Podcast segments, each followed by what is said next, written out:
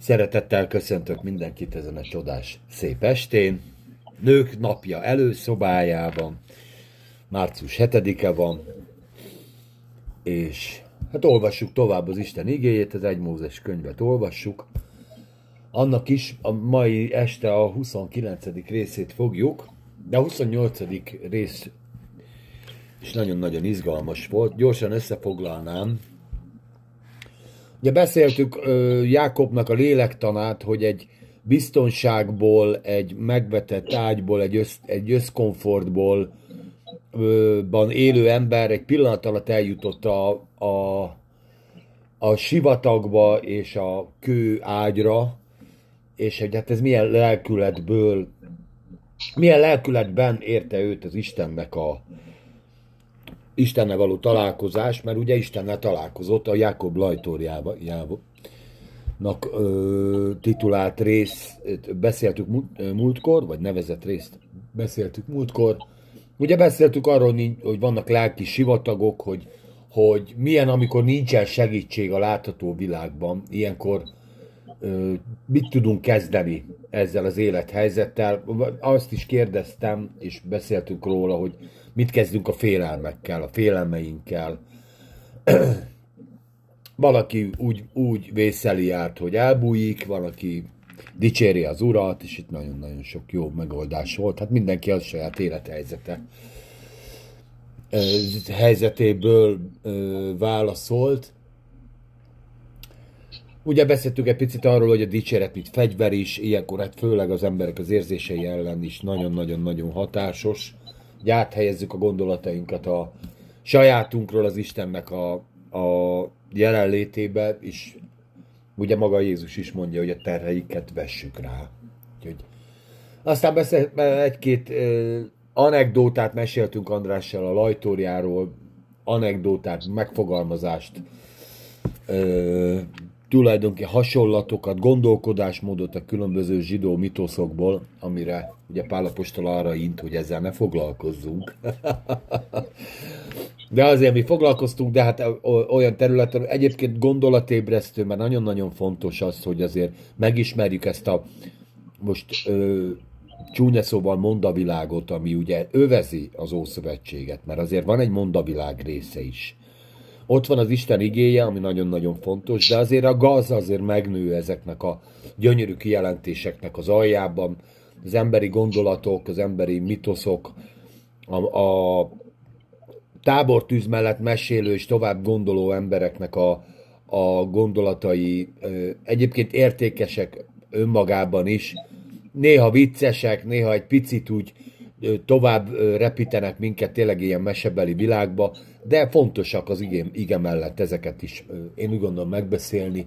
Beszéltünk arról az Isten ígéreteiről, hogy ö, Isten nem, nem elkezdte a családi dolg, szennyest megbeszélni Jákobbal, hanem találkozott Jákobbal, és nagyon fontos ígéreteket tett, nagyon nagy áldásokat ö, osztott meg vele, és hát nyilván profétált is. Aztán ö, azt is megbeszéltük, hogy Jákob erre mit reagált, és egy nagyon-nagyon ö, vicces és kedves beszélgetés volt.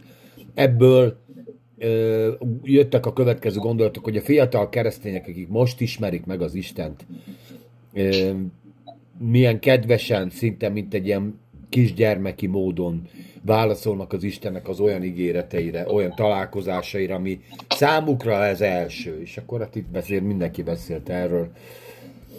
Aztán beszéltünk arról, hogy ugye a nyomorúság kis hitűséget és ö, kicsiny hitűséget ö, hoz az ember életébe, és ennek kapcsán a gazdálkodj okosan, mint hasonlat felmerült, aztán erről beszélgettünk a proletár éráról, úgyhogy nagyon-nagyon-nagyon jó kis ö,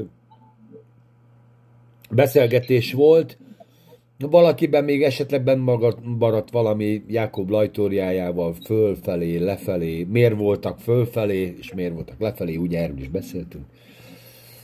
Az most már tartsa magába, mert most már megyünk tovább, mert András szeretné, hogyha gyorsan kivégeznénk ezt az első könyvet. Kigyújtott a nyelvét, de csak természetesen csak szekáltam. Hát mivel állandó magyar hangunk nem, nem jelent meg ma a mai beszélgetésen, és majd reméljük később csatlakozik, ezért Annuska, téged kérlek meg, hozzá egy 1 Mózes 29 első verseit légy szíves, olvast fel nekünk. Meddig? Meddig? Ö, szerintem én azt mondom az ötig. Bőven elég. Jó. Jákob azután lábára kelvén elment a napkeletre lakók földjére. És látta, hogy imé egy kút van a mezőben, és hogy ott három falka jó hevert. Mert abból a kútból itatják a nyájakat, a nyájakat, de a kútnak száján nagy kő volt. Mikor pedig ott valamennyi nyáj összeverődik, elgördítik a követ a kút szájáról, és megitatják a juhokat, és ismét helyére teszik a követ a kút szájára. És mondanékik belfog, honnan valók vagytok, atyám fiai? És mondának, hárámból valók vagyunk. És mondanékik, ismeritek-e Lábánt, a Nákor fiát? És azok felelik, ismerjük. Jó. Nagyon-nagyon ö, szép kifejezés. Hopp, itt valaki. Meg vagyunk.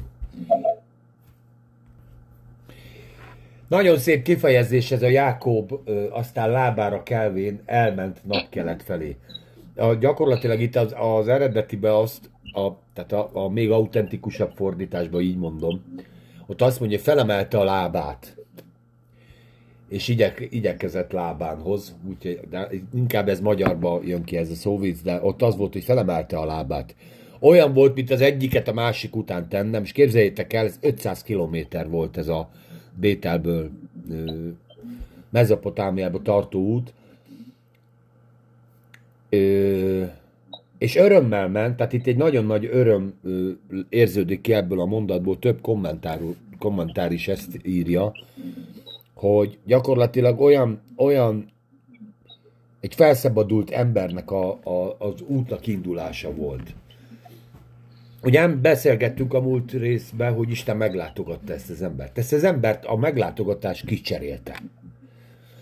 Az első ilyen kérdésem az lenne, hogy volt-e már és nem, nem az, hogy volt már, milyen volt nektek az Istennel való találkozás utáni mézes hetek? És erről beszéljünk egy pár. E, gyakorlatilag erről van szó. Itt ebben az egy sorban egy ilyen e, e, megfoghatatlan boldogságba elindult, elfutott e, Jákob. Csaba, és örkörömmel köszöntelek téged. Persze Timikével, Brigivel, Annuskával és Andrással együtt, ha már bemutathatlak. Csaba, milyen volt neked az első mézes heted az úrral, amikor megismerted őt? Kivitt engem a pusztába, és a szívemhez beszélt. Na. Ez volt az első ige, amit kaptam a szívembe. Az egy nagyon csodálatos volt. A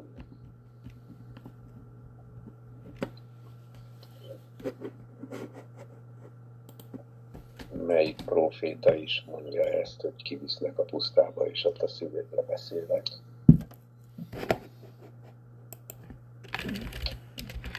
A kis proféta. Nem Hóseás? Igen. Hiszem, hogy Hóseás. Nem tudom. Hát az 5 Mózes 8 az van, hogy kiviszlek a pusztába, és megsanyargatlak, hogy meglássam, mi van a szívedben. De gondolom nem erre gondolsz. Nem. Hanem a szívedre beszélek. Igen. Igen. Na majd megtaláljuk közben, mesélj róla.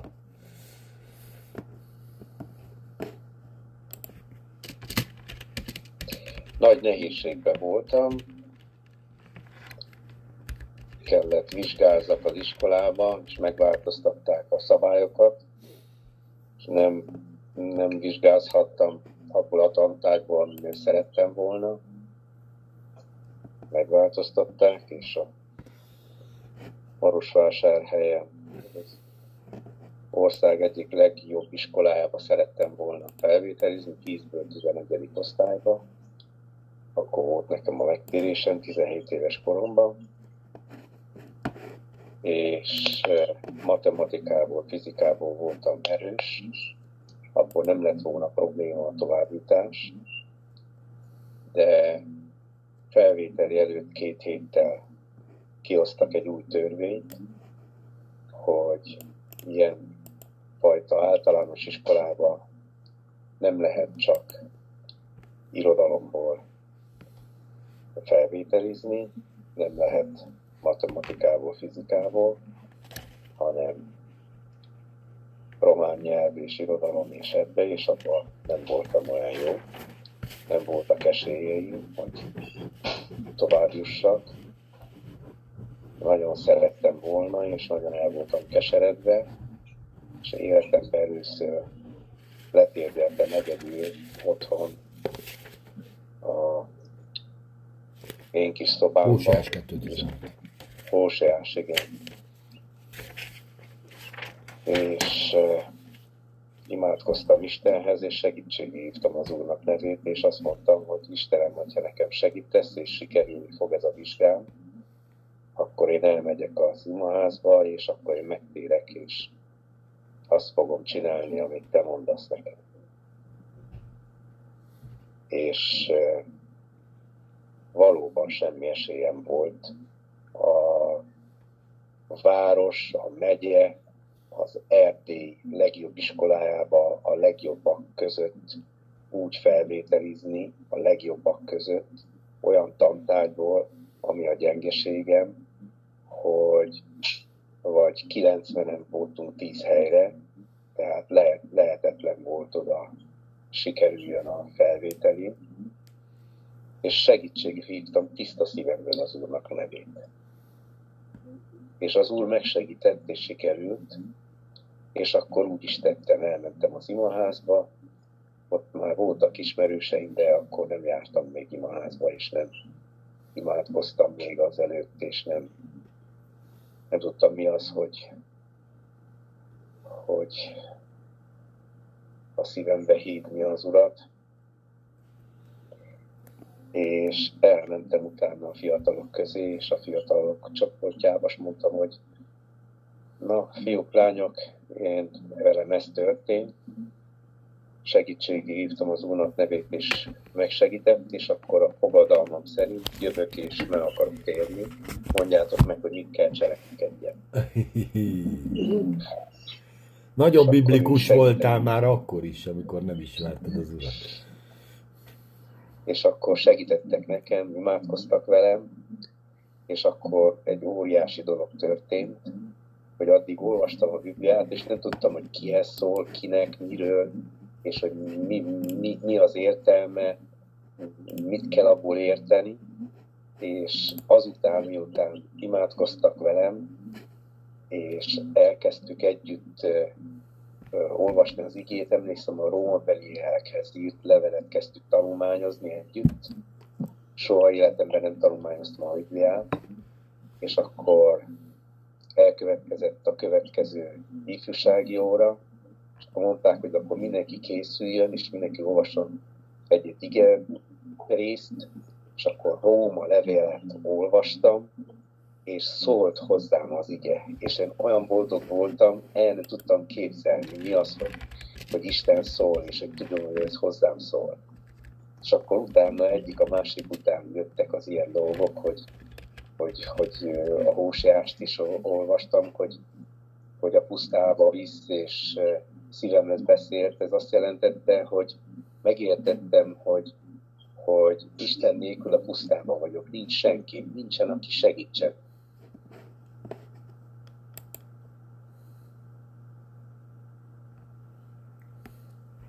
Nincs hanem Isten jön, és Isten beszél a szívemhez, és ő, ő ismer engem is.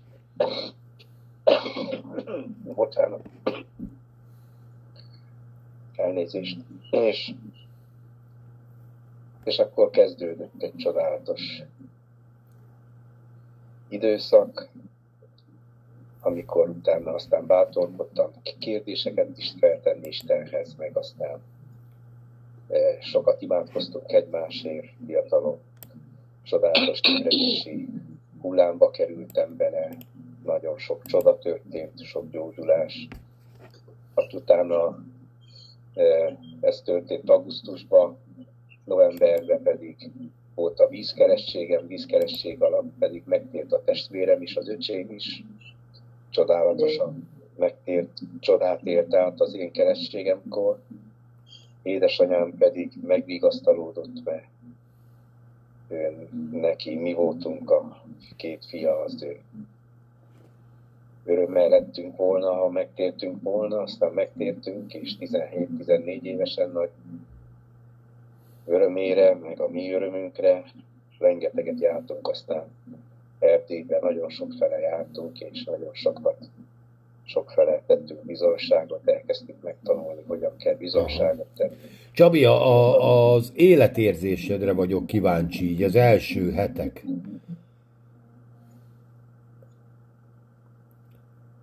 Életérzéseire.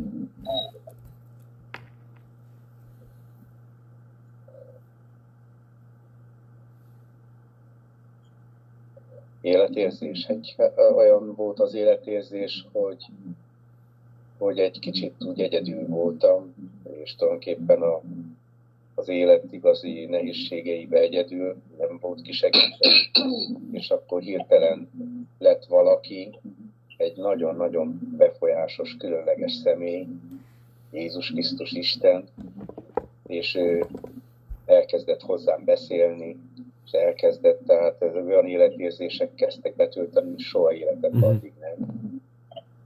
Hogy milyen az, hogy egyedül voltál, és utána, van kivel beszélgessél, és akkor megizasztalja a szívedet, és megerősít, és utána sokkal nagyobb energiám lett a tanulásban, a fiatalok között, az iskolában, mindenhol. Tehát egy leírhatatlan, egy ilyen, mint valaki, aki egy különleges társra talál, és együtt kezd vele járni, idáig egyedül járt az életbe, és utána pedig ketten lettünk, uh-huh. és mindenhova ketten mentünk, és megbeszéltük a dolgokat, és ha valamit nem tudtam, akkor megkérdeztem, és előbb-utóbb választ találtam. De jó. Na hát valami olyasmit éltél át, amit itt Jakobnál is ö, leír az ige, hogy találkozik Istennel, és elfut 500 kilométert, és meg se kottyan. Tehát itt nem, nem túlélt itt, ennyi a világ. Egy ilyen Brigi, neked, benned mi zajlott le az megtérés után? Amikor befogadtad az urat? Hasonló dolgok, mint a Csabinak itt. Ilyen, ilyen szeretet. Nem is tudom megfogalmazni, hogy milyen szeretet érzés volt bennem utána, hogy mert ugye én már meséltem, hogy kicsit mérges voltam az Istenre, hogy miért olyan nehéz és rossz az életem, és hogy hát ha ő mindenható, akkor még nem csinál valamit. És akkor én úgy voltam vele, hogyha lejön és bemutatkozik, úgy, mint itt a Jákobnak, akkor, akkor majd hiszek benne.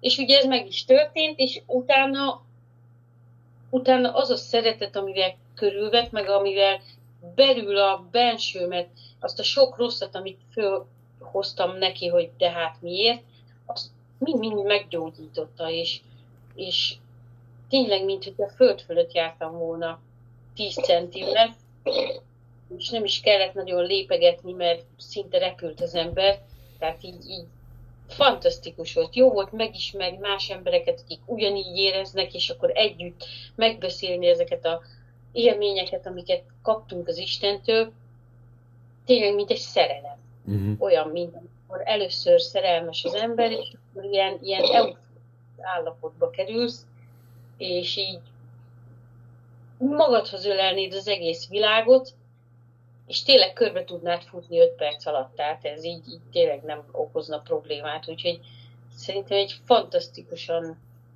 nagy élmény, egy, egy ilyen katartikus. Uh-huh. András, te, hogy milyen ér... emlékszel arra azokra az érzésekre? Hát amikor én megtértem, csütörtökön volt a házi csoport alkalom, akkor utána balhé volt. Mert a, mert a, a, a Lilla, a, a mostani feleségem, akkor barátnőm volt, ő eléggé kiakadt ezen. Hogy én megtértem, akkor volt egy négy napos elég feszült időszak, és akkor ő következő hétfőn ő is megtért. Elmentünk a Sönherz kollégiumba, ami ott volt Budán, vagy ott van Budán, és ott a Takács Feri volt a, a nevelőtanár, és ilyen emberek voltak ott, mint a Borvendég Nordi, meg a, a Görbic Tamás, ők voltak ott akkor egyetemisták, és akkor a Ferivel ott beszélgetett Lilla, és a végén imádkozott a megtérésért, és akkor, amikor mentünk haza a villamoson, akkor ilyen katartikus élményként köszöntött Lilla életébe az úr. Nekem, meg akkor meg, meg felszabadultam a prés alól, úgyhogy nekem Addig nem volt szabad örülnöd? A, így az úrnak?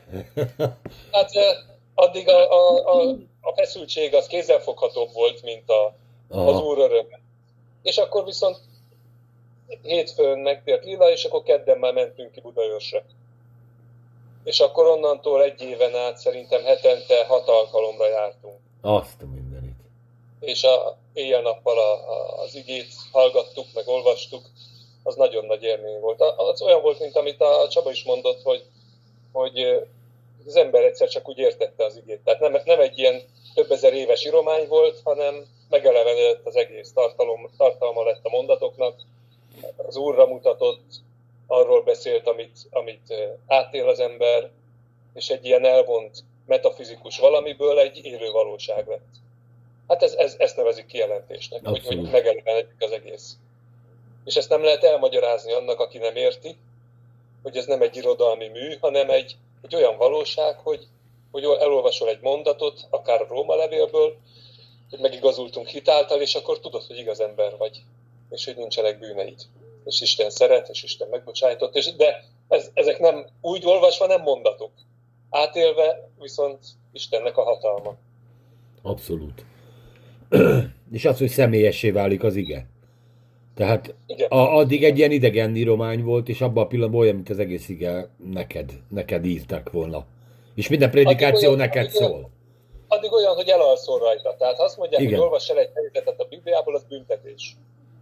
Az, egy, az olyan, mint, mint az irodalomban, hogy olvasd el a Tolstoy bűn és bűnhődését, vagy Dostoyevsky bűn és bűnhődését, vagy Tolstoynak a háború és békéjét. De megtérés után meg, meg az egy eleven valami. Abszolút, abszolút. Timi, nem benne, de mi, mi játszódott le a, a közvetlenül a megtérés után? Hogy jöttél haza? Igazából én is egy nehéz időszakomban találkoztam Istennel, mert uh, éppen a vállás után voltam, és, uh, és abszolút nem éreztem azt, hogy engem bárki is tudna szeretni. És uh, de Isten, Isten igen, tehát amikor vele találkoztam, akkor rájöttem, hogy ő biztos, hogy teljesen elfogad, és úgy vagyok jó, hogy vagyok, és teljesen mindegy, hogy mit csináltam eddig, abból a szempontból, hogy ő, ő, ő szeret is kész. Azért, mert én az ő gyereke vagyok. És én nekem ez nagyon lényeges volt, és tényleg a 10 centivel a föld fölött levegés, de ugyanakkor meg volt egy ilyen ambivalencia is benne, mert én anyáiknál laktam egy ateista családba, ahol, ahol szintén szúrta a szemüket, ezt az egész, és nem értették ezt az egészet. Úgyhogy, de az öröm, az, az ott volt, az teljesen ott volt, és én amúgy egy eléggé szobálykövető ember vagyok, mert ha azt mondták, hogy ezt csináljam, akkor ezt csináltam, de innentől kezdve az volt a fontos, amit Isten mondott. De jó. De és jó. Isten megszólt, és szólt az ige, és uh, tényleg onnantól kezdve azt, azt éreztem, hogy, hogy nekem mondja, hogy, hogy nekem szól az egész, ami, ami le van írva. Volt, bennem is volt egy hatalmas éjség, az Isten igéje, meg az Isten dolgai, meg a vele való kapcsolat iránt. Aztán, ami szintén nagyon meghatározó volt, hogy az a kibeszélhetetlen öröm, hogy, hogy mindenkinek, akivel csak találkoztam, mindenkinek erről beszéltem. Ha tetszett neki, ha nem, de én voltam, mert egyszerűen csak folyt belőlem. Csak jött, csak jött, és, és tényleg, még a munkahelyen is, de munka közben, akivel csak találkoztam, mindenkinek mondtam. De jó. Meg a, a dicséret, az valami, nekem az, az volt nagyon plusz úton. Tehát valahogy engem az Isten már akkor is a dicséreten keresztül fogott meg igazán. Úgyhogy, hát igen, ez az kibeszélhetetlen öröm. Uh-huh. Annuska, neked milyenek voltak a mézes heteid az úrral? Hát az első találkozásomkor még, még nem a gyülekezetben volt, hanem csak egy elkeseredett helyzetben voltam, és letérdeltem az ágyam mellé, és kiáltottam, hogy Uram, ha létezel, Istenem, ha létezel, akkor most csinálj valamit, mert, mert nincs előttem semmi kilátás. És akkor hosszú éveken keresztül csak úgy tudtam elaludni előtte, hogy altatót, meg, meg nyugtatót vettem be, és ahogy ezt így végig, ezt a rövid kis kérést az úr felé kiáltottam, képzeljétek el, hogy, hogy fel se fogtam egyébként. Körbevett egy olyan, mintha egy, egy burok vett volna körül, olyan békesség. És átaludtam nyugtató, altató nélkül az egész éjszakát. Nem fogtam föl, hogy mi történt, persze természetesen nem fogtam föl. Ugyanúgy ment másnap a dolog, illetve hát az életváltozás, de utána jött a unokaöcsém, és mondja, hogy Cegléden lesz te megtérési lehetőség, evangelizáció, és akkor meg hát beteg voltam, és hát aggódtam, de hát ilyen női betegségem volt, és egy fiatal 20 éves gyereknek ezt nem mondom el, csak mondom, de ez is olyan volt, hogyha le, leléptem a kőre, otthon vagy csak leléptem az ágyról, mezitláb, már fölpáztam, és hosszantartó volt. És akkor mondta, hogy menjünk korábban, mert könyvet is lehet venni, és mondom, hogy Istenem, így magamba, ha én ott leülök, föl nem tudok állni.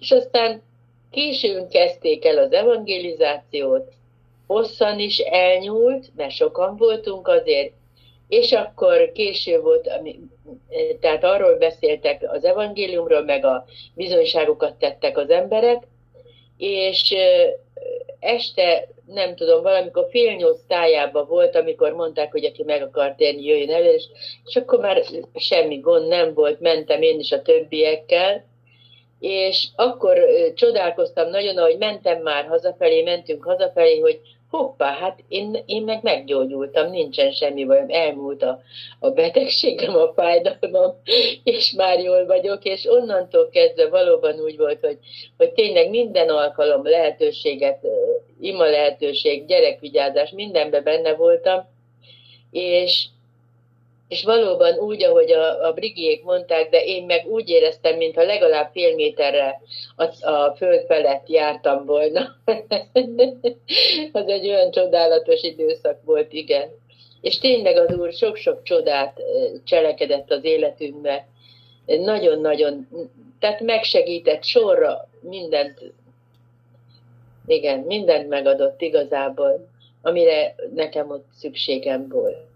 Igen, valószínűleg Jákob is, mondom, e- ezt az életérzést tette magába, mert Gyakorlatilag itt az utazásáról most már más nincsen, pedig azért egy elég hosszú utat bejárt. Ez alatt azért Ábrahámmal egy csomó minden történt, itt bele nem történt semmi. Mert egyszerűen megragadta az úr és súgy, mint ahogy Illés. Evett egy pogácsát és irány. Három napig sétált. Itt azért ez egy hosszabb út volt, úgyhogy nagyon érdekes, mert, mert az ember tudja, az amikor felemelik a szellemét, úgy, amikor újjászületik, akkor hirtelen a mennybe kerül, és ott, ott minden csodálatos, és ugye ez leképz, le kell, hogy képződjön a lelkükbe. Én is így éreztem, amikor megismertem az urat, be, bementem a gyülekezetbe, és, és ö, ott bemutatkozott az úr, akkor én azt éreztem, hogy, hogy, hogy mintha én mindig is ide tartoztam volna, most jöttem meg haza. Hogy hazaért. Igen, hogy egy addig, mint a idegenbe lettem volna, de most úgy meg biztonságérzet vett körül, és ott az alkalom elején mondják, hogy térjek meg, mert akkor megtértem volna, mert egyszerűen ott voltak az a közeg. Úgyhogy az úr maga szólt nekem is nagyon-nagyon-nagyon csodálatos volt, és aztán nekem is így teltek ugyanezek a hogy egyszerűen, ugye, amit a Tim is mondott, egyszerűen, hát ugye szív teljességéből szól a száj. Na most, ha tele vagy boldogsággal, egyszerűen nem tud magadba tartani. A gyerekek, ismerjétek meg ezt a boldogságot. Igen. Gyertek, és az embernek az a, a, ilyenkor nagyon-nagyon ö, erőteljes az a készsége, hogy az evangéliumot hirdesse. Nem is kell elmondani neki, hogy hirdest. Minél idősebb keresztények vagyunk, annál inkább kell súlykolni, hogy ezért mégiscsak ez jó dolog, beszélni az úrról, mert ez egy jó dolog történik veled is, hát ha mással is jól történik. Nekem most éppen ilyen időszakom van, hogy ö, tudok viszonylag sokat beszélni Istenről olyan embereknek, akik nem ismerik, de kívánom nektek ezt, mert ugye aki mást felüdített, ez nyilván maga is felüdül. Így. Na, második vers. De azért fél óra eljutottunk egy versig, úgyhogy mindenképpen és látál ide, hogy egy kút van a mezőben, és ott van ö, három falka juhever ott, mert abból a kútból itatják a já- nyájakat. Kútnak a szája meg nagy kő van. Mire engedez nekünk következtetni? Háránban vagyunk, ugye innen származik Rebeka is, ugye? Ugye Lábánnak a ö, öt, ö, huga, és megint egy kúthoz értünk. András, ö, mi a látásod erről a második versről? Nagyon merész látásom van. De azon gondolkoztam, hogy ugye, ahogy olvassuk ezt a, ezt a kort, hogy van a városkapu, ahol összejönnek az emberek, meg vannak a kutak, ahol találkoznak a, az emberek. Ez olyan, mint ma az internet. Igen. Az a közösség tér, az a hely, ahol az emberek összefutnak, megbeszélik a dolgaikat, aztán elmennek, és erre gondol, ezen gondolkoztam, hogy, hogy mi a mai kornak a kutya. Egyrészt ugye az, hogy, hogy megértve, hogy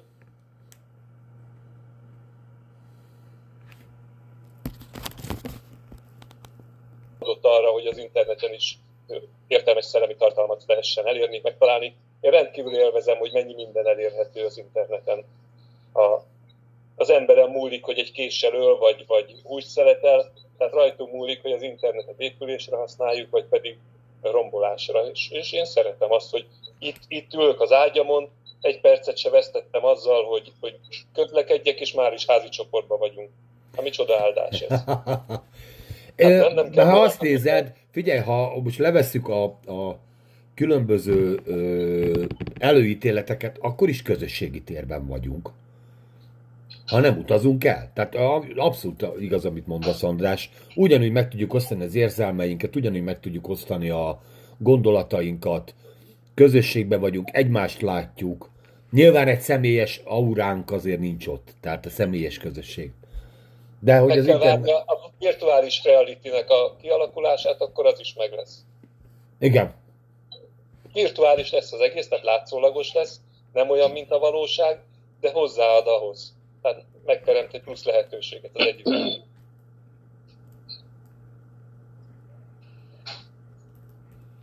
Ugyanez volt a, ugyan, ugyanaz a kút volt-e, ahol Rebeka megjelent szerinted? Vagy bárki? Hát akkor nem, akkor nem volt kő rajta. A, a Rebekánál nem írta a követ. Igen, igen, igen, igen. Hát aztán lehet, hogy azóta renitensek voltak ott a környékbeliek, és muszáj volt letakarni. Beleestek a, a, a birkák. De ne, nem ír semmit a helyszínről az ige igazából.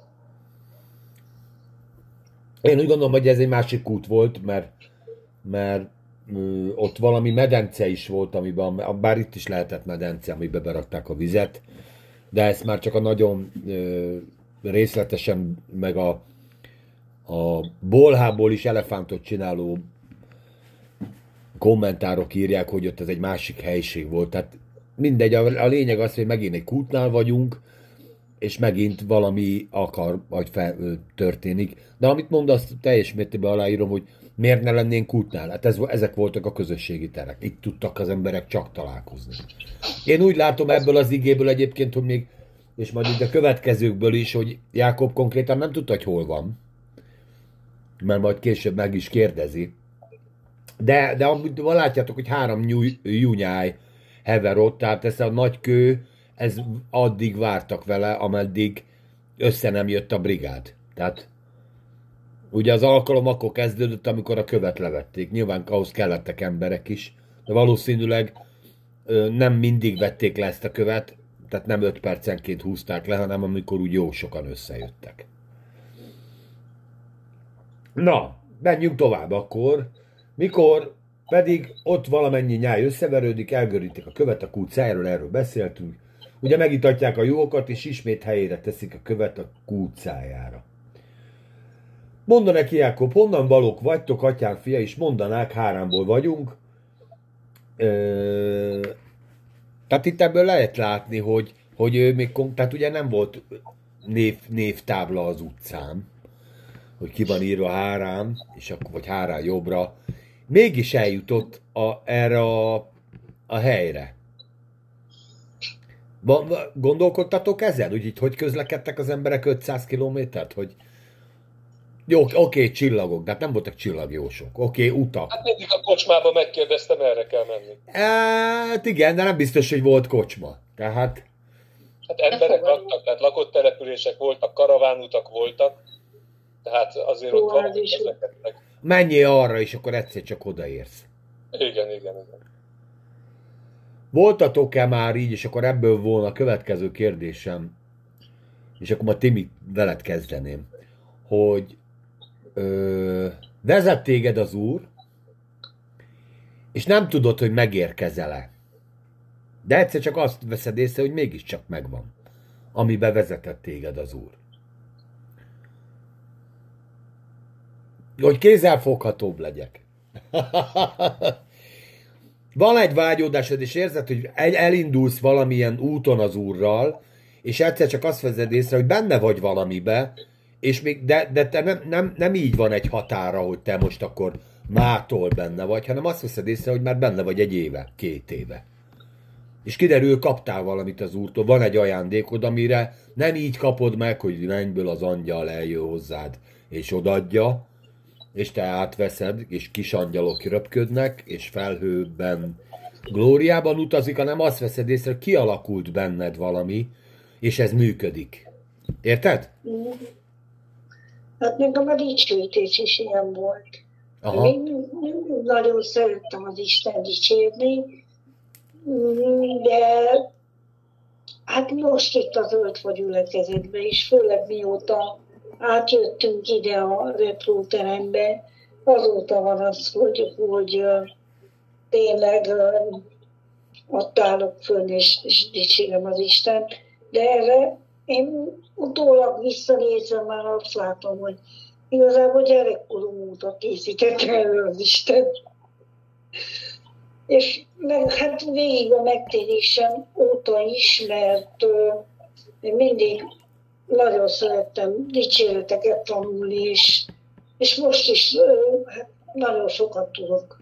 De, de hát nyilván nem mindent, és mindig kell újat tanulni, sőt, hát időnként azt veszem észre, hogy a nagyon régiek azok nekem újak. Hát ez jó, ez annyira régi, de, hogy már új. De szóval nekem a dicséret az, az tipikusan egy ilyen dolog volt hogy egyszer csak tényleg azt vettem észre, hogy benne vagyok. Aha. Csaba, nem, nem nincsen ilyen gondolatod, hogy bennünk van egy csomó ajándék, és azt hiszük, hogy majd valamit kapunk az úrtól, és kiderül, már rég bennünk van.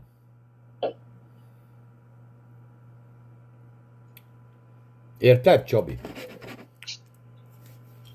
Hogy, hogy az ember így vár egy nagy, nagy átadásra, meg, meg tudod, ö, elvágjuk a izét, a nemzeti színű szalagot, és akkor megnyitjuk ünnepélyesen a dolgokat, és, et, és, és ez, ez a szellemvilágban nem így van.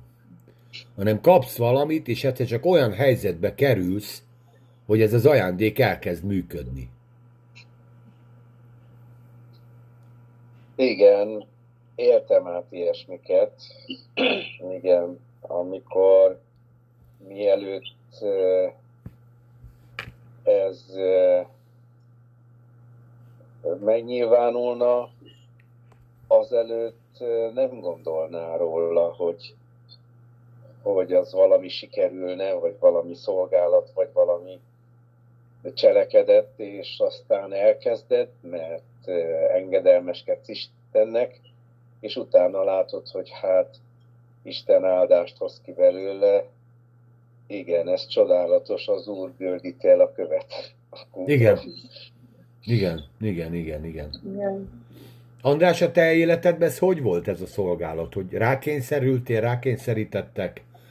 Mert te tudom, hogy te önmagadtól te nem nagyon uh, ugrasz ilyen indián fejeseket. a, az Zoltán bátyám még összejártak egy baráti társasággal, megtérésünk előtti régebbi társaság volt. Én nem ismertem őket, csak az Zoltánt, és különféle voltak világiak, voltak reformátusok, katolikusok, és úgy próbálták az igét úgy bontogatni. És az Zoltán elhívott engem, mert úgy gondolta, hogy rám férnem, mert kicsit vadóc életvitelem volt nekem a katonaság után. Tehát a, én akkor e, eléggé úgy a hétvégéket bulikba töltöttem, ittam, stb. És akkor Zoltán elhívott az urat, az én szerettem mindig is, és akkor elkezdtem járni ebbe a keddi házi csoportba, aztán elvittem, amikor Lillával elkezdtem járni, akkor őt is elvittem, és akkor ez a csoport elkezdett megtérni. És végül a csoport 80%-a 90 megtért, aki nem, az nem jött el többet, és akkor elkezdtük már mint egy házi csoport élő hittel olvasni az ügyét, és, és úgy alakult ki, hogy ha, ha mindig csöndbe voltam, de egy idő után már nem bírtam az agyalgást, és akkor muszáj beszélni. És akkor egyre többen lettünk, és akkor oszlott a házi csoport, és akkor én a Vágó Péterrel maradtam együtt, és a Péter lakásában, és akkor meg azt mondták, hogy vezessem én. Valahogy vagy vagy, vagy a baráti társaságból alakult így, hogy vezessem én, de, de nem az, azt jelentette, hogy én beszéljek a legtöbbet, hanem úgy Moderátor szeret, legyél. Szeretettel kell csinálni, tudod, mert hagyni kell beszélni, aki jól beszél, buzdítani, aki nem beszél, és leállítani, aki túl üresen beszél, és akkor ezt valahogy meg, meg tudtam szeretettel csinálni, és akkor ez így működött. Igen, igen, hát abszolút. És akkor, ak- akkor így alakult igazából. Meg, meg szerettem az igét, szerettem az urat, és akkor, akkor így...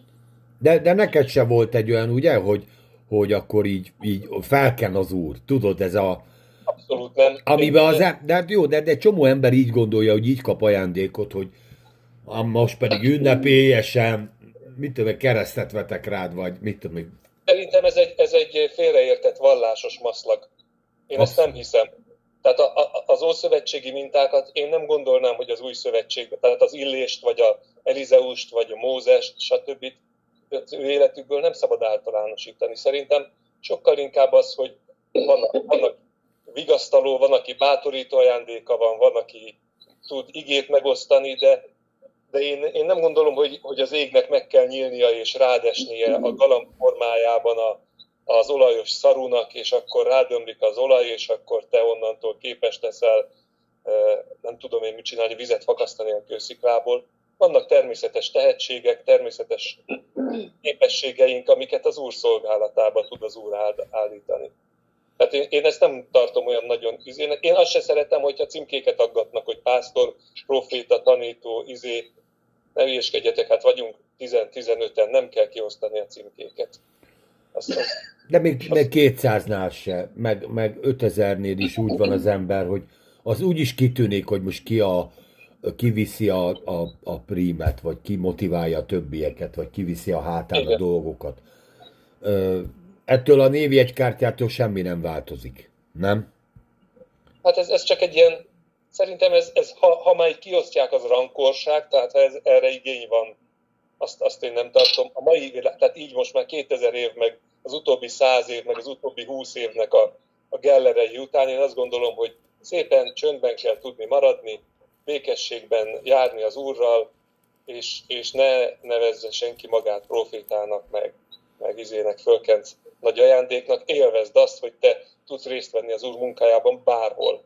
A székek berendezésében, ahogy a Brigi a vetítésben, a Timi az éneklésben, bárki bármiben, nem, semmivel nem előrébb való az, aki valahogy egy mikrofont kaparint a kezébe, mint az, aki ül a, az első. Sőt, az egésznek a sikere az pont mindenkinek a, a, a hozzátételeiből áll. Tehát sokkal a... közösségibb az egyház annál, mint ahogy, ahogy azt működtetik. Sokkal, sokkal életszerűbb, meg elevenebb, meg organikusabb, ha, nem úgy, ha egy testként gondolsz rá, és nem úgy, hogy ahogy benézsz meg egy gyülekezetbe, hogy megnézel egy tévéközvetítést, és egy irgalmatlan színházi pódiumon áll valaki, és osztja az észt. Ez szerintem nem, nem az a modell, nem voltak ekkora gyülekezetek Jézus korában, hát házanként összegyűltek, hát bókláztak át egymáshoz, és megbeszélték, hogy ki mit élt át az Úrral. Nem lehetett ilyen hihetetlen nagy ajándékokat fölfedezni a Krisztus testébe, hogy milliárdoknak szolgálnak. Én ebben nem hiszek. Ez nem, nem is tetszik. Tehát ez, ez, ez a fajta fókusz szerintem túlzás, nem az emberi személyiséghez van szabva és nem is nagyon tud üzenni. Tehát itt egy franchise nézel meg, egy, egy olyan embert, aki erre van kiképezve, hogy tízezreknek beszéljen, de nem az egyéneknek. Tehát tömegnek beszél. Érted? És persze mindenki ki tud szűrni magának valamit belőle, meg hát, hogy úgy szól, meg ugye vannak ilyen ö, ö, ajándékok, de én úgy gondolom, hogy a, a személyes kapcsolathoz tud csak hozzáadni amúgy csak egy el, el, ilyen alapon meghallgathatnánk bármilyen ö, nagy szavalót, vagy nagyot mondó embert, érted? És abból is ki tudnád szűrni magadnak a, a te áldásaidat. Nem véletlenül, ugye a, a görögöknél is volt egy nagy filozófiai hullám, ahol nagy filozófusok nagyokat mondtak. Mai napig fenn vannak ezek is. Ez most a mai világban is. Ha megnézitek a Müller Pételeket, meg a Puzsér Roberteket, meg az összes többi ilyeneket, százezrek, tízezrek, százezrek követik. Amerikában aztán még milliók követik ezeket a nagyon nagy okos embereket és nagyon nagy mondókat. És ugyanez történik az egyházban is. De úgy gondolom az egyháznak nem kellene a világot lemásolni. Hogy bepufogtatjuk, tudod, ezeket a nagy kifejezéseket, de igazából a, a te egyéni életedet nem, ne, ö, nem változtatják meg, csak olyan jó hangzatos te egyéni életedet tényleg hogy veled való kapcsolat változtatja meg és újítja meg. De ez meg a kis közösségekben működik. Tehát attól te még egy, most csak az akarok kitérni, hogy attól te még egy kis fekete pont vagy az ő szemébe. Érted? De amikor összejövünk 10-20, 30 tök mindegy, tehát ilyen kis, kisebb helybe, ott viszont te egy vagy a sok közül is, a te sikered, a mi sikerünk is. És talán ezért fontosabb a kisebb közösség.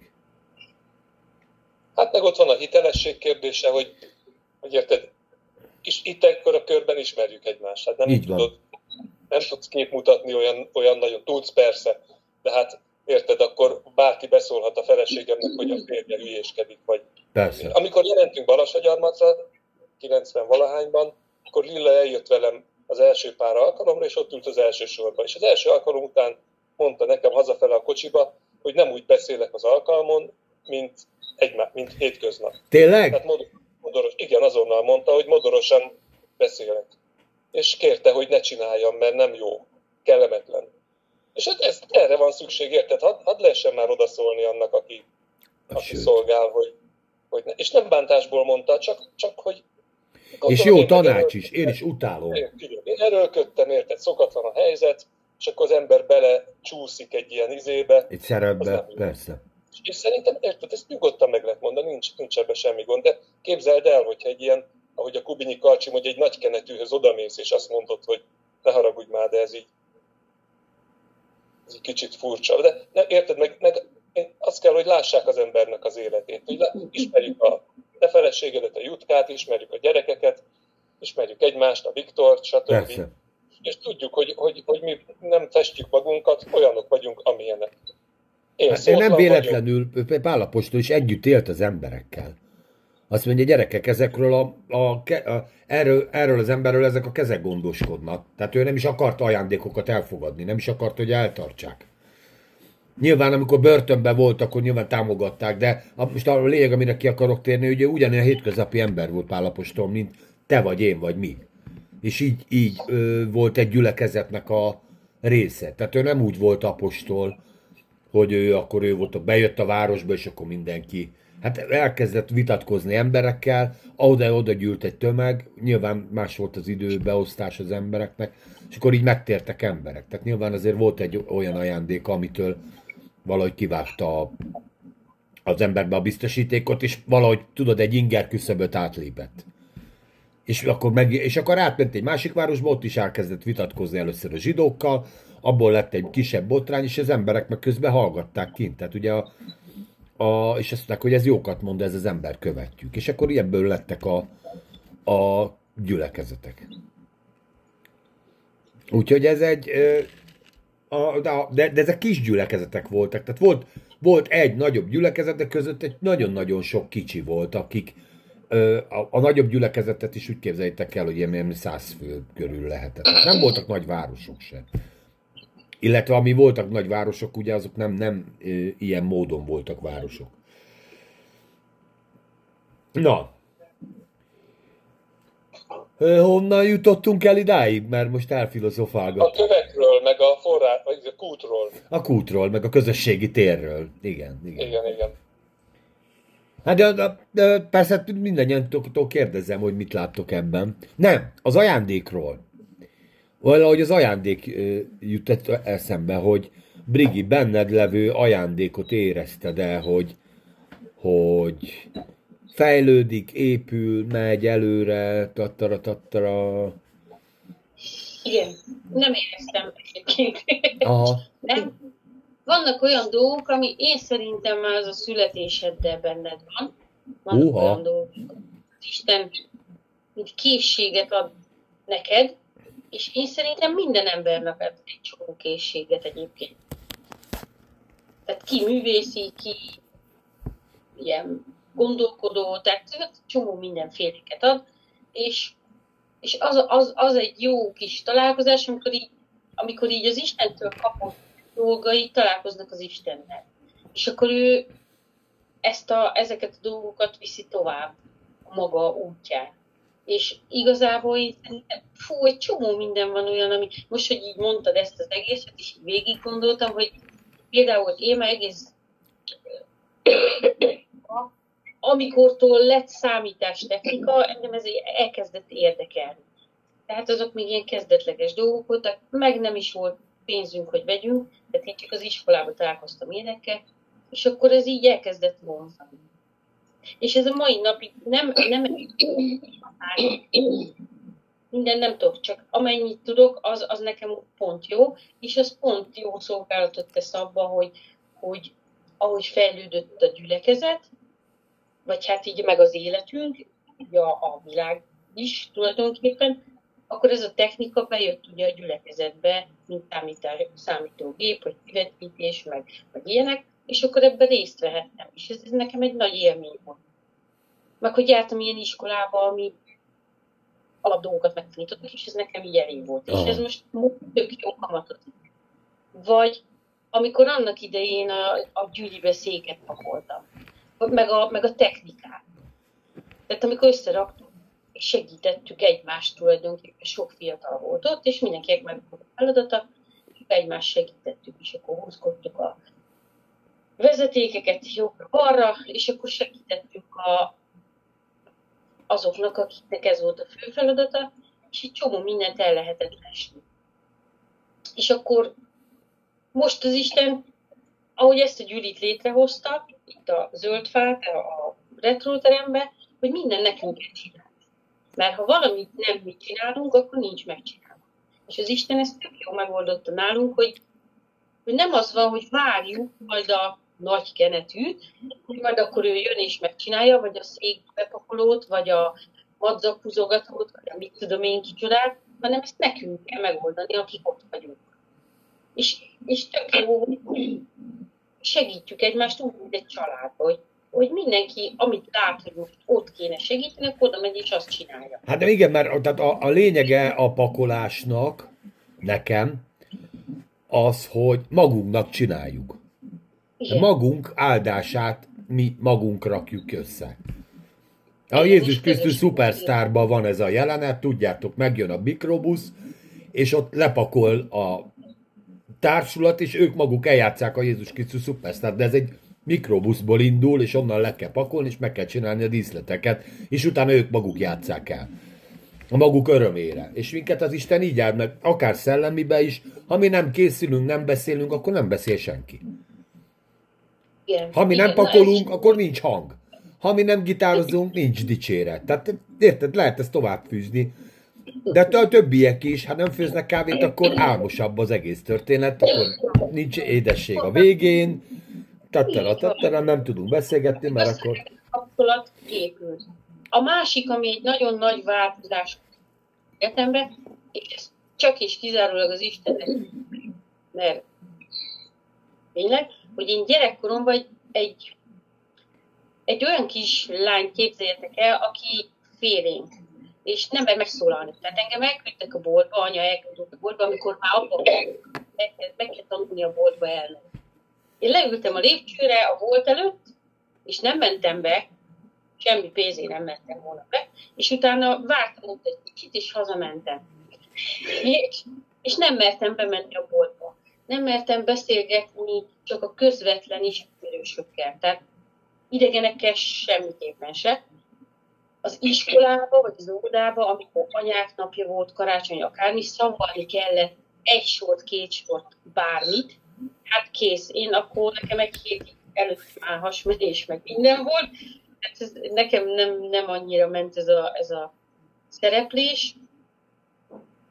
A farsangokat nagyon szerettem, és szerettem beöltözni, de akkor is egy olyan félelem volt bennem az emberektől, hogy valami De borzalom. nem volt egy nagy szereplő akkor. Abszolút nem voltam. És, és akkor ez a gyerek, ez így el, ugye felnő, és akkor találkoztam az Isten, és még, ez még ott sem annyira nyilvánult meg. És nem tudom, hogy mi történt, de, de minden évben egyre nyitottabbá tett az Isten. Egyre könnyebben tudtam beszélgetni emberekkel, meg több emberrel, akkor ugye nagy gyülekezet volt még Cegléden, akkor ott is. Utána ugye kisebb lett, de, de akkor is már belehelyezett a vérkeringésébe a gyülinek az Isten, és ott is meg lehetett szólalni. Akkor utána alkalmak megengedik, hogy vezessem, hát ez is egy nagy dolog volt. Utána most is ugye részt kell venni mindannyiunknak abba, hogy működjön. És most már beszélek is a gyűlibe, és ez is folyamatosan alakult ki. Tehát Hát a, magamtól- egy, a személyes bizonyság, hogy a, találkozok a nagyfiammal, és mondja, hogy apu, nagyon jó voltál vasárnap, de az úrvacsorás néni az most jobb volt. Mondom, jó, majd összeszedem magam. Úgyhogy annak nagy sikere volt. Ő meghallgatott téged is külön. Nagyon kedves.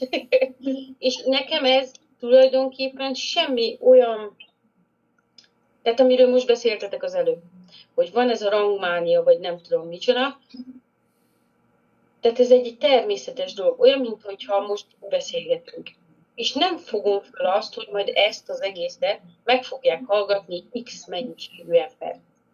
Mert nekem ez úgy jön le, hogy veletek beszélgetek, meg még egy valakivel, aki, aki a hallgatóság tulajdonképpen. És, és ez egy jó, mert ugyanazt az Istenhez vagyunk kapcsolódva, és, és ez egy nagy dolog.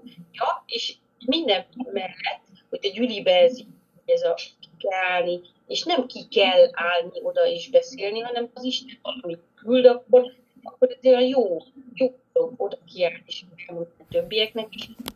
Nem, már nem olyan idő múlva, mint elején, és a munkahelyemen szokott lenni családi nap. És hát kell koordinálni. ezt a családi napot, és akkor ezt nekem kell koordinálni, meg a tesómnak. És akkor meg, meg hangfalat, hogy a, a, van ilyen tombolahúzás, vagy a gyerekeknek játék, akármi, és, és, és ezt én vezetem le. És olyan természetes az egész, pedig tök idegen emberek vannak ott, és idegen emberek előtt beszélek mikrofonba, és fel se fogok. megy a dolog. De annyira megváltozott. Tényleg valahol ebbe szinte azt mondom, hogy szinte nem is teszek hozzá semmi sem. Csak mikor szól, akkor, akkor megmerek szólal. Egyébként meg maradnak is se. De hát ez is egy ajándék, ami szép lassan kibomlik. Igen. Miért nem? megérték. Igen, én azért szoktam mérges lenni rád, hogy amikor nem vagyunk, és egyedül lehozol egy alkalmat, hogy olyan szépen elbeszélsz fél órát, hogy Ó, hát, öröm hallgatni. Mert, mert az úr azt mondja, hogy jó van, most már szedd össze magad.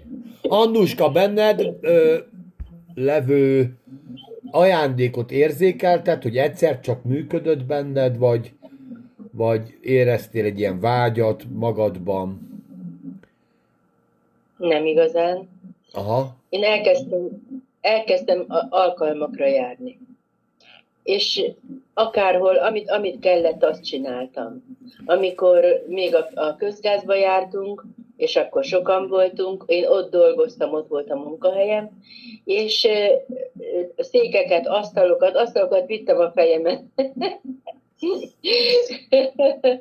és nagyon, nagyon élveztem. Aztán családokhoz is hívtak el gyerekekre vigyázni, vagy a Gyulibe is vigyáztam gyerekekre. És aztán, hát igen, nagyon érdekes volt, hogy, hogy azért voltak kritikák, és akkor hogy a gyerekekkel, hogy hogy kell bánni minden, és akkor én félrevonultam, és elkezdtem énekelni csak úgy dicséretet, és képzeljétek el, körém, körém csoportosultak a gyerekek. és ez annyira csodálatos volt, nagyon tetszett. Nekem szerettem a gyerekeket minden, és aztán egyszer Pesten egy testvérnővel voltunk, és akkor ő bemutatott egy másik testvérnőnek, aki vezette a imaláncot és beléptem ebbe a csoportba, és nagyon hálás voltam, hogy engem ide befogadtak, mert valami csodálatos volt. Hát havonta küldtek egy, egy, egy csomagot, nevekkel, problémákkal, minden, és akkor azt minden este időt szántam rá, és imádkoztam azokért az emberekért. És aztán voltak olyan időszakok, amikor küldték vissza a választ, hogy kik voltak. Most nyilván nem egyedül én imádkoztam értük, most ne, tehát sokan imádkoztunk, mondom, imalánc volt, nem egyedül, és hogy, hogy kaptunk visszajelzéseket, hogy ez meg az meggyógyult, és annyira csodálatos volt, és és azt éreztem, hogy miközben más emberekért imádkozok, én a saját, az én problémáim el, el nem, ha nem eltűnik, de úgy, úgy le, lemegy róla. És ez, ez nagyon csodálatos volt, és, és azóta is, ha, ha elment mellem, mellettem az utcán valaki nagyon gyorsan autóval, akkor például akkor imádkoztam azért, hogy nehogy valami baleset érjen. meg, meg ilyenek, és, és hát igen, és most is úgy van, hogyha valakivel úgy, ha sikerül, így összejövünk, és most is itt az elején mondom, ha már együtt vagyunk, és hallunk problémát, akkor imádkozzunk a probléma megoldásáért. Tehát, hogy az első gondolatom az jut, ahogy így megöregettem, már nem tudok asztalokat, székeket, minden, de, de megmaradt az Hát de, de igen, a, a, ez az ima szolgálat, ez nagyon is fontos. Sőt, hát ö, ugye a szellem... Nem hát, tehát nagyon, nagyon, nagyon fontos az ima szolgálat, és sőt, az egyik legfontosabb. Ugye Jakab levél is írja, hogy Illés ha, hozzánk hasonló ember volt, imádkozott egyszer, csak nem volt eső, azt megint imádkozott, ez volt eső. Egyszer nagyon érdekes volt, hogy elmentünk imádkozni, mert nem volt eső hosszú idő óta már, és kimentünk oda a vásártér közelébe, és ott többen voltunk, és ott imádkoztunk esélyt, és már gyorsan kellett hazajönni, mert gyülekeztek a felhők, és jött az eső. Tehát, és sok ilyen apró kis megtapasztalásaink voltak, csodálatos az úr. Ö, úgyhogy fontos a közösség. Tehát ha már itt a közösségi térről beszélünk, igenis, a, a, ugye a junyájak is összejöttek az élő vízhez. Itt volt a kút, le volt fedve ugyan, és ez, talán ezt én itt ebbe a, a és hát kapcsolódjatok ebbe bele, itt pont a védelem miatt volt lefedve. Nem a, azért, hogy el, el, ö, elzárja valakitől az igaz vizet, hanem hogy ne koszolódj, ne koszolódjon, ne párologjon el. És igenis fontos, amikor az élő vízhez jövünk, itt a, a közösségnek az a lényeg, hogy egymást meg is vártuk, vagy megvárják. És nyilván itt ez, ez, ez ugye ez egy szokás lett, ami kialakult az emberek közé, de valahol benne van, benne tükrözi az egyházat abban, és akkor ebbe kérlek, hogy szóljatok ezt hozzá, hogy nem el, nem egymást letiporva megyünk az áldásért, hanem egymást megvárva. Megyünk oda ahhoz az élővízhez, ami ott van. Amen. És, és valami olyat érz, érzek ebben a világban, hogy ma ugye a világ az diktálja, hogy tapossál mindenkit, és te furakodj oda ahhoz. És te így áll. És ehelyett megnézd meg, valaki odaért egy órával ezelőtt, és akkor jóval leülünk, következő megjött, valaki egy kicsit késett, mégis addig elbeszélgettek, el, közösségben voltak, és szeretetben egy, egymástól tudtak lenni, az egyébként vetélkedő pásztorok, hát azért tudjuk így az elmúlt, elmúlt részekből, hogy azért a pásztorok ö, nyilván egy, egy jó, jobb legelőért, vagy bármiért össze tudtak veszni. Mégis ennek volt egy ilyen közösségben való összetartó ereje, amit, amit, az, amit az élő víznek hát amit az élő víznek látunk itt. Nem Csaba? Tehát valahol az, az ige a, a, a gyülekezeteket, közösségeket, nem mondhatjuk akár különböző felekezeteket is mégiscsak összeköti az Istennek az igéje. Nem? És ez az élő víz, és ez az élő kijelentés. Igen, úgy van. És itt az a csodálatos, hogy látod, amikor uh, uh, még nem volt elég csapat, nem gyűlt össze elég csapat, akkor még nem tudták a követ elgördíteni. Igen. De, de amikor jött a Rákel, akkor nem tudom, mi történt a Jákobbal, csak úgy oda ment és elgördítette a követ pedig kellett volna jöjjönek a, a többi csapatok is, mert csak együtt tudták elgöríteni követ, hogy egyedül hogy tudta elgöríteni, nem tudom. Nem olyan erősnek írja le az ige, olyan izomembernek, mint az Ézsau mégis egyedül leelgördítette, hogy itten, itten így egyenként tudunk csodákat cselekezni, cselekedni, amikor elgördítjük a, a követ a víz elől, tehát van, amikor el van zárva, és meg kell nyitni a, a csapokat. Hát eh, igen, de lehet, hogy csak tetszelegni akar. Tehát most még ezt nem olvastuk el.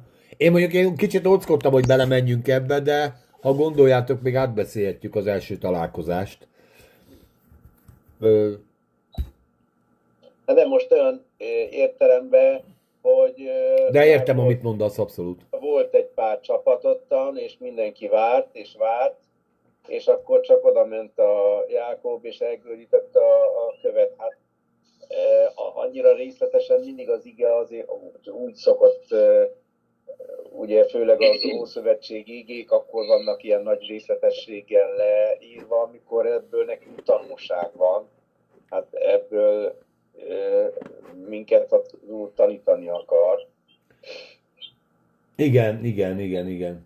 Hát, Hát szerintem megváltoztatott a, a barna kislány tekintetétől, meglátta, hogy, hogy jön egy szép hölgy, és úgy gondolta, hogy imponálni kell, akkor is, ha másnap izomláza lesz. jó, de azért abszolút, de azt nézzétek meg az igéből, hogy, hogy tudakolta, hogy ki kicsoda. Hogy lábán itt lakik. Igen, lábán itt lakik lábán. Na, akkor már megjöttem, akkor már megjött a tábla. És, de hát ide lábán nem fog jönni, hanem ide a lánya jön.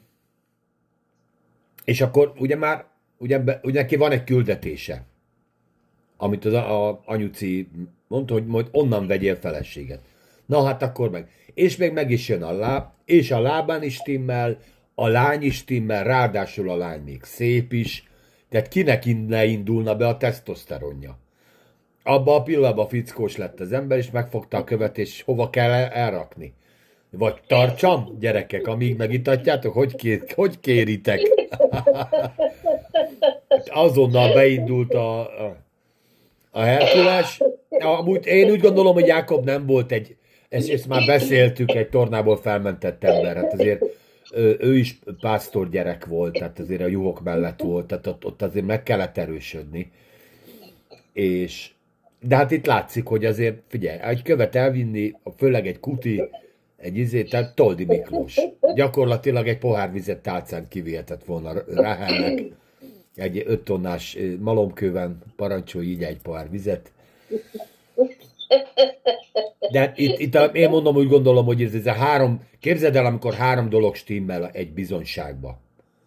Hogy menj el oda arra, ahol fel kell a nap, jó, 800 kilométer. Azért ez egy, mint egy hónap, két hónap, mire odaér. Akkor megérkezik egy helyre. Ott elkezd beszélgetni emberekkel, kiderül, hogy jó helyen van. És kiderül, hogy az a lány, akihez jött, az, az jön elé. Tehát azért erre az, azt mondaná az ember, hogy akkor dicsőség az Úrnak, halleluja Jézus. Ugye erre Eliezer lement a földre, és azt mondja, hogy az Úr az Isten. De itt Ugye is... beteljesedett a, a, az álma Hát. Jákobnak, mert lejött az angyal a lajtól. A lajtorján lejött az angyal, igen. És képzeljétek el, hogy oda jön egy kis csaj a, a juhaival, kis gidácskákkal, meg a kis izével, oda jön hozzá egy 70 éves manus, és megcsókolja, és ott sír. Tehát azért a Rahel helyébe azt mondta volna, jó, hát akkor én most hazamegyek. Én azon gondolkodtam, hogy itt miért van fordítva. Mi? Tehát, hát most, ha belegondolsz, az Izsáknak a apu elküldte a szolgát, a szolga megitatta a tevéit a csajjal. Itt meg a csajnak a, a báránykáit megitatta a srác, aki jött. Tehát itt fordított volt a helyzet, meg nem, nem megvárta még Brigi, az első randi, elmegyek veled az első randi, megetettem magamat veled. Utána elviszel engem moziba. Utána hazaviszel. Szerinted mennyi esélyem van a következő randira? Egy olyan tízes, tízes skálám. Az első randin még odatolod a széket a hölgynek, nem Tamás? Sőt, hát hazakísérem, énekelek, megvárom, míg felkapcsolja a villanyt az ablakba. Ilyesmi, nem? De nem az, hogy ő kísér engem haza, ő etett meg, és utána, na jó van, majd én integetek, és te meg kódorogjál haza az éjszakába. Figyeljetek, a Jákob úgy ment oda, hogy tök csóró volt, egyedül. Az Eliézer ment egy rahedli tevével, ékszerekkel, mindennel. Ott, ott más volt a leosztás, teljesen. Hát de most pénz ide, pénz oda. Valamit föl kellett mutatnia, mert semmilyen nem volt.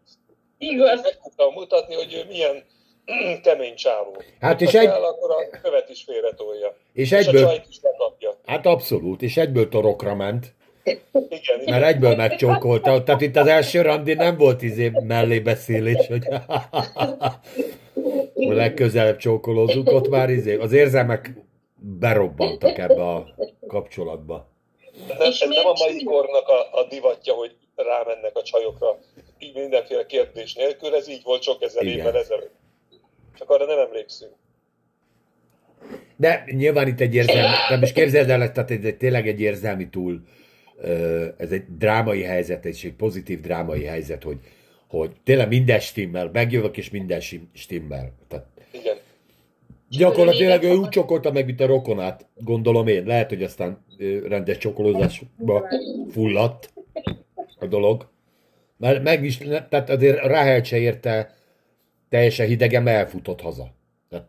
Megcsokolták és hazafutott, kész. Ugye itt a következő versben. Végigbe belefolytottad a szót. Bocs, Ja, hogy miért sírt, de akkor ezek szerint a, azért, mert ugye csak lesétálta ezt a 800 kilométert, megtalálta azt, ahol elindult, és akkor így érzelmi túltengésből sírok a örömébe. hát miért ne lehetne ez? Bár ezt Nem a, tudom. a Dán krimikben Nem nem, olvad, nem láttam, nem? de, de, de vannak ilyen szappanoperák, tehát a fiúk Kemény elsírják. csávó elhengeríti a követ, ez miért ből? De ő nem, de ő nem kemény Megkapott csávó. Örömében. Hát Mert az persze. őt, ahova kellett. Hát Dávid is sírt, többször is sírt. Hát Eliezer mondjuk- meg földre esett és leborult, tehát az is egy érzelmi kitörés. Kitörés. Hát ö, szerintem ez egy nagyon nagy... Attól függetlenül, hogy erős volt, meg hogy megitatta, meg hogy bemutatta magát, természetesen. Pasik csinálnak ilyeneket, és ezzel nincsen semmi baj. Attól Én még az mondom, érzelmeit hogy miért ne fejezhetné ki? Könnyebben kifejezik az érzelmeiket Igen. a férfiak. Tehát a ez egy kulturális különbség az európai ilyen izé, jégcsap emberek, meg a, a keleti kultúrában. Abszolút, A, ez nem, így nem a gyengeség jele, hogyha valaki őszintén megmutatja az érzelmeit. Ez tök jó. Itt is bevezethetnék divatba. Hát azt nagyon lányosnak tartanák, ha zokognánk. Én szoktam sírni dicséret alatt. Megérinti az nőt. Én, én azt gondolom, attól sokkal pasisabb, hogyha meg tudja mutatni, hogy ő is érez. Én szoktam Nem kö... mondja, ezt legközelebb mindannyian sírni fogunk az Isten tiszteleten. Na, azt megnézem. Én hozok hagymát, hozok egy 100 kiló hagymát, és ezt meg kell hámozni. És akkor már onnan hogy most megeszel egyet. Hát ugye Jézusról is olvassuk, hogy amikor a gyászoló rokonságnak a fájdalmát megérintette, akkor ő is sírt. Pedig tudta, hogy ő föl fogja támasztani azt a, a, a leányzót. Persze, meg sírt a város fölött, sírt egy csomó ember fölött, megrendült emberek, től, együtt érzett emberekkel, tehát volt egy csomó olyan érzelmi megnyilvánulás, amit, amit ott kifejez az ige. Hát hogyne. Sőt, az, az egész, az egész Bibli, így van, az egész Biblián végigvonulnak az érzelmek, a pasiknál is, nőknél is.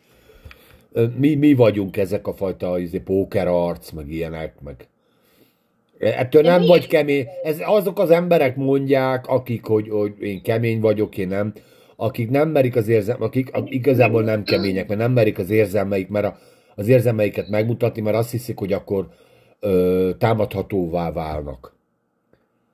Érted? És, ö, és hát egyáltalán nem. Sőt, az ember még tiszteletre méltóbb egy olyan ember felé, aki ki tudja mutatni az érzelmeit. Mert látszik, hogy nem robotból van az az ember. Igen. Másik, hogy nem tudom, de ha egy pasi sír, azon a nők is sírnak. Tehát azért az összefügg. Igen. Akkor ott már nagy baj van. Jó, vagy persze nagy öröm. Hát akkor gyere, gyere el velem labdarúgó meccsre, ott egy csomó pasi szokott sírni, amikor valami nem sikerül. Azonnal sírva fakadunk.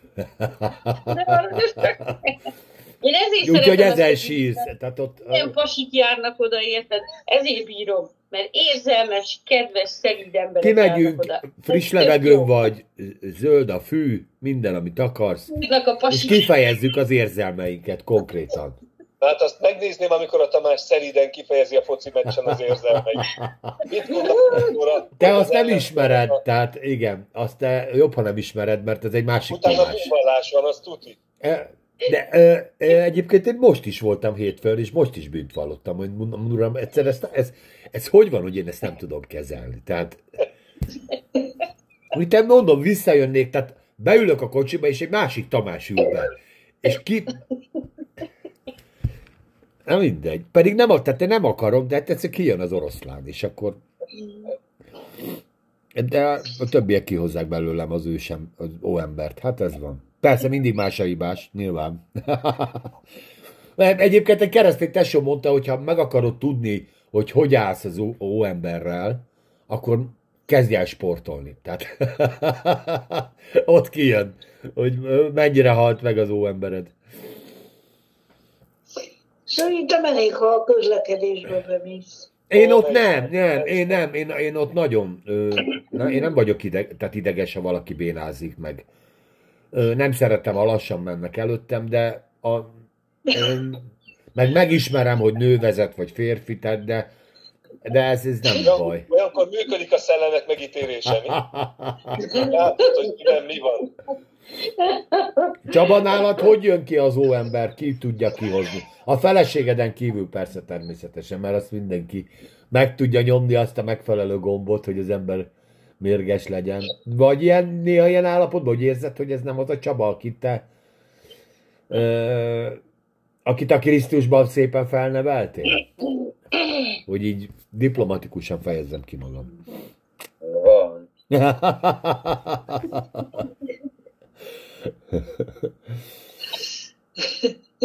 Hihetetlen. Hát ezzel együtt kell élni, igen. Mondja Csaba. Soha nem láttam, soha nem hallottam még. Munkahelyen, amikor felbosszantanak, amikor Aha. Látszik, hogy már azért ködösödik a tekinteted. Én a munkahelyen nem, tehát én nekem a munkahelyem ez olyan, hogy én ezt nagyon beimádkozom, és nagyon sok plusszal megyek be, és tényleg esendő embereket látok ott. Most nyilván, aki direkt nem csinál valamit, tehát mit tudom, elvállal egy munkát, amit beviszek, tudom, hogy az ügyfél várja, és direkt nem csinálja meg, akkor az ember persze ingerültebb, de, de amúgy én, én nem tudok, de ha te igen, akkor abszolút megértem, mert én a, viszont én a focipályán vagyok így, hogy te lekapcsolnák a biztosítékokat is sötétbe. és ahogy kezeled a dolgokat este, bocsánatot kész magadtól, az úrtól, mindenki mástól, vagy hogy tudod ezt kezelni? Csaba.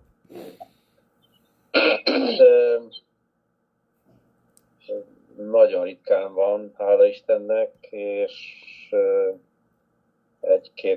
egy-kétszer előfordult, amikor valamiért felelős voltam, és Aha. adtak nekem, adtak nekem erre hatalmat is, hogy bizonyos dolgokat ott megszervezzek, elintézzek felelősségteljesen, sok embernek a fizetése forgott kockán minden, és akkor egyszerűen egy pára nem csinálták azt, amit kellett volna, Aha. és akkor mondtam, megismételtem kétszer, megismételtem háromszor, amikor már a tizedikszer ismételtem, akkor elkezdtem kiabálni, hogy hát 30 embernek a fizetésre fogunk, nem úgy van, hogy, hogy, hogy akarom megcsinálni, vagy nem, aztán utána, de nem, nem tudtam tőle a nagyon bocsánatot kérni, mert meg kellett, mindenkinek meg kellett csinálni a, a dolgát. És Ja, nem mástól, hogy magadban, hogy dolgozod ezeket fel. Hát, hogy, a, a, aztán próbáltam más módszert használni, a, a, meg kellett oldani a problémát. Egyértelmű. Oldani, tehát sok nagy volt a tét, és aztán sikerült megoldani, aztán megnyugodtam, és minden érdekes, mert ilyenkor, amikor ilyen nagy tétek vannak, akkor valahogy nem érzem magam olyan súlyosan bűnösnek, hogy akkor felemeltem a hangomat. Hát felemeltem a hangomat, mert muszáj volt, mert Ja, persze. De hát ez nem is Az az. nem probléma. Az nem probléma. Hát a hülye embereket el kell igazítani. Ja, ez nem, nem, nem, én se erre gondolok. Tehát én, a, én arra gondolok, hogy olyan indok nélkül előjön a, az ős Csaba. És akkor így rádöbbensz, hogy hú, hát várjál, hát én, én újjászületett ember vagyok, és ez, hol van ez az ember? Nem amikor Hát jogosan, lehet, hogy Csabából nem jön már ki. lehet, hogy nem jön ki. Én csak magamat vetítem a Csabára. Nem, hát az Csaba félre ne értsél, hát ez egy teljesen jogos ö, ö, dolog, hogyha az ember felelősség teljesen másokat rendre utasít, hogyne. Hát ezt az ige is írja, hogy hát most érted, ne a, attól ne sírjatok, hogyha a- azért büntetne titeket, mert ti magatok olyan dolgokat csináltok, amit egyébként meg mindenki elítél, hát na, hát... Tudjátok még mi, mi volt még, ami, ami, ami ki tud nagyon borítani? Na. Mikor valaki e, védkezik ellenem, tehát e, rosszat csinál, rosszat beszél, minden, és akkor még azt mondja, hogy még ő mondja, hogy én ne ugassak, meg még ő mondja azt, hogy én kérjek tőle bocsánatot azért, mert ő, ő, ő agresszív ő, volt vele. Rosszul, és akkor még el is várja, és még ráveszi a családtagokat is, meg mindent, hogy akkor már, már, már, már kérjek már tőle bocsánatot, pedig ő, ő, ő, ő csinált nagyon csúnya dolgot. Hát akkor, akkor nem, tudom, nem tudom elképzelni, hogy akkor ez hogy van. Hát mondom, hogy az igébe is, hogy fekete-fekete, fehér-fehér, igen, igen, nem, hát ilyesmit nem szabad csinálni, de mégis, tehát ez aztán nagyon ki tud borítani, utána aztán kérem, ez az igaz, kérem a bocsánatot, de nem szívből, de nem, nem úgy, hogy, hogy, hogy tényleg szívből, mert, mert, mert ő csinálta a balhét, ő csinálta minden, miért, miért én kell bocsánatot kérni. Hát igen. Hát igen. Hát ilyen, ilyenkor, ilyenkor egy párszor megesik. Hát a család, ez, ez egy kacifántos ügy. Ott, ott vannak olyan, olyan izék, ördög lakatok, hogy ezt senki nem bontja ki. Ezért Isten inkább a, például ebbe a családba se szól bele. Intézzétek, ha valaki kikerül oda a pusztába, akkor inkább szólok hozzá. Ő már oda nem megy be. Igen. Ha lehet ezzel a szappanopera analógiával élni. Na, de hát én azt mondom, hogy most itt zárjuk le ezt a, beszélgetést. Találkoztak, érintőjelegesen jutottunk el addig, hogy a őszerelmes találkozott a Júliá... Az első csokig eljutottunk. Az, el, az első csokig eljutottunk. Az első Közben képzeljétek el, ahogy Jákob az egyik kezével a 300 kilós malomkövet fogja, másik kezével átöleli Ráhelt és megcsókolja, ő erre hazafut. Ezzel búcsúzom, és ezt gondoljátok végig. Nagyon érdekes volt egyébként a beszélgetés, ugye beszéltünk arról, hogy amikor az ember találkozik az úrral, akkor utána, utána elfut, utána neki nincs idő, kilométer semmi, és ezekről tettünk bizonyságot, hogy mi mindannyian átéltük ezt a csodálatos találkozást, és hogyha nekünk lett volna utána egy 500 kilométeres út, ugyanígy eseménytelenül telik, mert egyszerűen nem veszük észre, hogy, hogy az úrral vagyunk és el. Szaladunk. Ugye a kút, mint közösség, és a közösségi háló pozitív hasznairól is egy picit vettünk szót, de a közösségnek a, a pozitív hozadékáról is, sőt, tehát a közösségnek a fontosságáról is beszéltünk. Beszéltünk az ajándékokról, hogy, hogy az ajándékok nem úgy jönnek, hogy ez egyszer csak az embert így fel, felébred, és ott van előtte egy csomag, és ki kell csomagolni, hanem ezt az élettel, akár születésétől fogva való készségei felhasználásával adja az Úr, és ezek nagyon-nagyon fontosak, és tényleg a sajátunk, ezért vannak egyéniségeink, én úgy gondolom, és egyéniségek vagyunk, hanem ezt az Isten így is felhasználja, sőt, ő már látja, hogy ez a fajta készség, ami bennünk van, ez majd az Úrban és az egyházban milyen hasznot hoz. Aztán beszéltünk, hogy az óemberét kiki hogy tudja kezelni, én sehogy, mindig elfut, néha visszajön. Ti ebben élen jártok, előre jártok. Az érzelmek megmutatásáról azért beszéltünk, hogy igenis a pasiknál is itt nőnap alkalmával mi pasik igen is tudunk érzelmesek lenni, mert Jákob is elsírta magát, és ez egyáltalán nem egyedi az igében. Úgyhogy gondoljátok ezeket tovább, és gondolkozzunk ezeken az igéken, az 1 Mózes 29. Egytől, hát én azt mondom, hogy tízig olvastuk el. Elfut a 12-ig, 12-ig. Jövő héten is várlak szeretettel benneteket, ugyanebben az idősávban, és köszönöm szépen, hogy együtt voltunk, és köszönjük a hallgatóknak, hogy végighallgattak minket. Szerbusztok! Sziasztok! Sziasztok! Sziasztok!